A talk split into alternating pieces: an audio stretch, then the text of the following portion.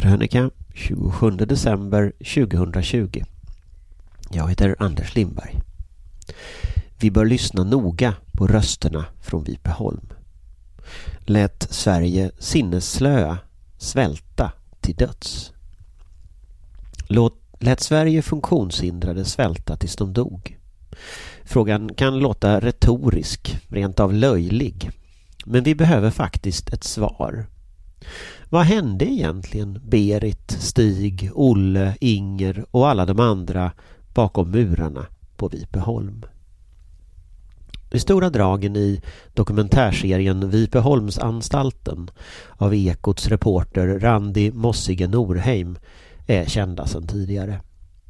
Mellan 1935 och 1982 låg Sveriges största sjukhus för så kallade sinnesslöa i Vipeholm utanför Lund i Skåne. De intagna betraktades som svårskötta och obildbara, saknade av ingen. Anstalten var slutstation för svenskar med svåra funktionshinder i nästan ett halvt sekel. Under 1940 och 50-talen genomfördes de så kallade kariesexperimenten på Vipeholm. Det är nog den mest kända episoden. Eftersom de sinnesslöa ofta matades och eftersom de inte tog sig därifrån kunde man noggrant studera vad som hände med deras tänder om de fick äta godis hela tiden. En särskilt klibbig kola togs fram för att förstöra tänderna. Det var efter kariesexperimenten vi fick kampanjer för lördagsgodis i Sverige och folktandvården byggdes ut. Slutsatserna är fortfarande avgörande för svenska folkets tandhälsa. Studien citerades över hela världen. De mänskliga för försöksdjuren på Vipeholm fick sina tänder ödelagda. Många fick gå med ständig tandvärk. Men Randi Mossige Norheim börjar inte där. Hon börjar med sin farbrors hjärna. På en lista med 152 hjärnor från intagna på Vipeholm som skickats till hjärnlaboratoriet i Uppsala hittar hon Inge Torkel Mossige Norheim, hennes pappas lillebror. Det blir startskottet till ett stort pussel. Hon hittar anhöriga till människorna på listan som fortfarande är i livet, som kan berätta. Först minns de inte. Det som skickats till Vipeholm verkar ha strukits ur släktens historia. Men det finns brev, journaler och papper som länge legat undangömda och efterhand kommer minnena tillbaka. Bit för bit låter Randi Mossige Norheim människorna kliva fram ur historiens dunkel i vad som formas till den sannolikt bästa radiodokumentär jag någonsin hört. Om du har tid under julhelgen så lyssna. Den ligger på Sveriges Radio Play. För det var människor som befolkade Vipeholm, inte siffror. Som Fritz Olof Theodor Johansson kallade Olle. Han skrev brev från Vipeholm och längtade hem till kastanjeträdet på gården. Små flaskposter med nödrop. Men breven skickades aldrig till hans mamma. Randi Mossige Norheim hittade dem istället i hans journal. Eller Inger Lindbom som dog i tuberkulos utan att ha fått rätt vård. Eller Berit Boman. Även hon dog i tuberkulos, bara 13 år gammal, efter att man väntat ett år på att sätta in behandling.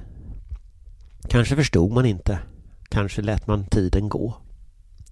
Eller Stig Beijer som hade epilepsi och kom till Vipeholm när han var åtta och dog sju år senare.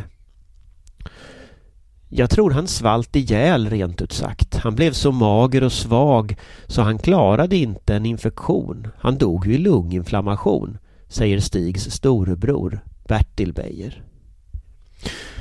Vipeholm styrdes mellan 1935 och 1963 av överläkaren och sjukhuschefen Hugo Frödberg.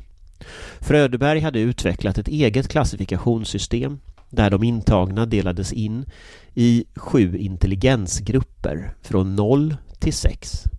Det som ingick i grupp 0 var biologiskt sett lägre stående än flertalet djurarter, skrev han. Det var för att ta reda på mer om dessa grupper som han skickade de 152 hjärnorna till Uppsala utan att anhöriga fick veta. I sina kvarlämnade papper resonerar Fröderberg kring dödshjälp för de intagna. Vanvettigt att förlänga deras liv så att de blir fler och fler. Passiv eutanasi berättigad, skriver han. Bertil Beijers misstanke kanske inte är så orimlig som den först låter.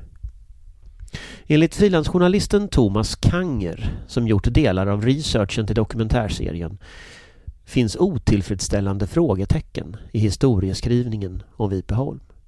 Mellan 1941 och 43 tredubblades plötsligt dödligheten hos de manliga patienterna. 1941 dog 23 intagna. Året efter hade siffran stigit till 66. Av de som kom till Vipeholm 41 till 42, 41 och 42 dog var femte manlig patient inom ett år. En märklig omständighet är att överdödligheten bara verkar ha drabbat de intagna i intelligensgrupperna 0 till 2 enligt Fröderbergs klassifikationssystem. Ökningen i dödlighet kan inte förklaras av näringsbrist utan måste ha sin orsak i biologisk mindervärdighet, skrev Fröderberg i årsberättelsen 1942. Forskare har inte funnit något stöd för en svensk motsvarighet till nazisternas eutanasiprogram, alltså aktiv dödshjälp för sinnesslöa. Men vad är egentligen förklaringen? Om det handlar om undernäring i krigstidens Sverige, varför begärde man inte mer mat? Det är utomordentligt obehagligt att vi inte har svaren. Randi Mossige Norheims dokumentär har fem delar men väcker betydligt fler frågor än så. Varför vet svenska folket så lite om vad som faktiskt hände med de tusentals som skickades till Vipeholm? Varför lärs inte denna historia ut i skolorna? Om detta må vi också berätta. Idag är Vipeholm en skola. Vipan. Minnena av det förflutna har suddats ut. Författaren Göran Rosenberg har föreslagit att staten borde öppna ett museum i Vipeholm om människosynen och människovärdets svenska historia.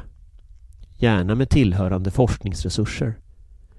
Det är en mycket bra idé och det vore på tiden. Regeringen bör dessutom ta initiativ till en svensk vitbok om vad som egentligen hände där.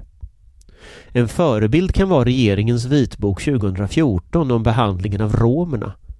Den mörka och okända historien Vitbok om övergrepp och kränkningar av romer under 1900-talet heter den. På Norra kyrkogården i Lund finns en minnessten med inskriptionen Var resan stormig, huru skön är hamnen. Här vilar 560 män kvinnor och barn som dog innanför murarna. Vi behöver få höra deras berättelser.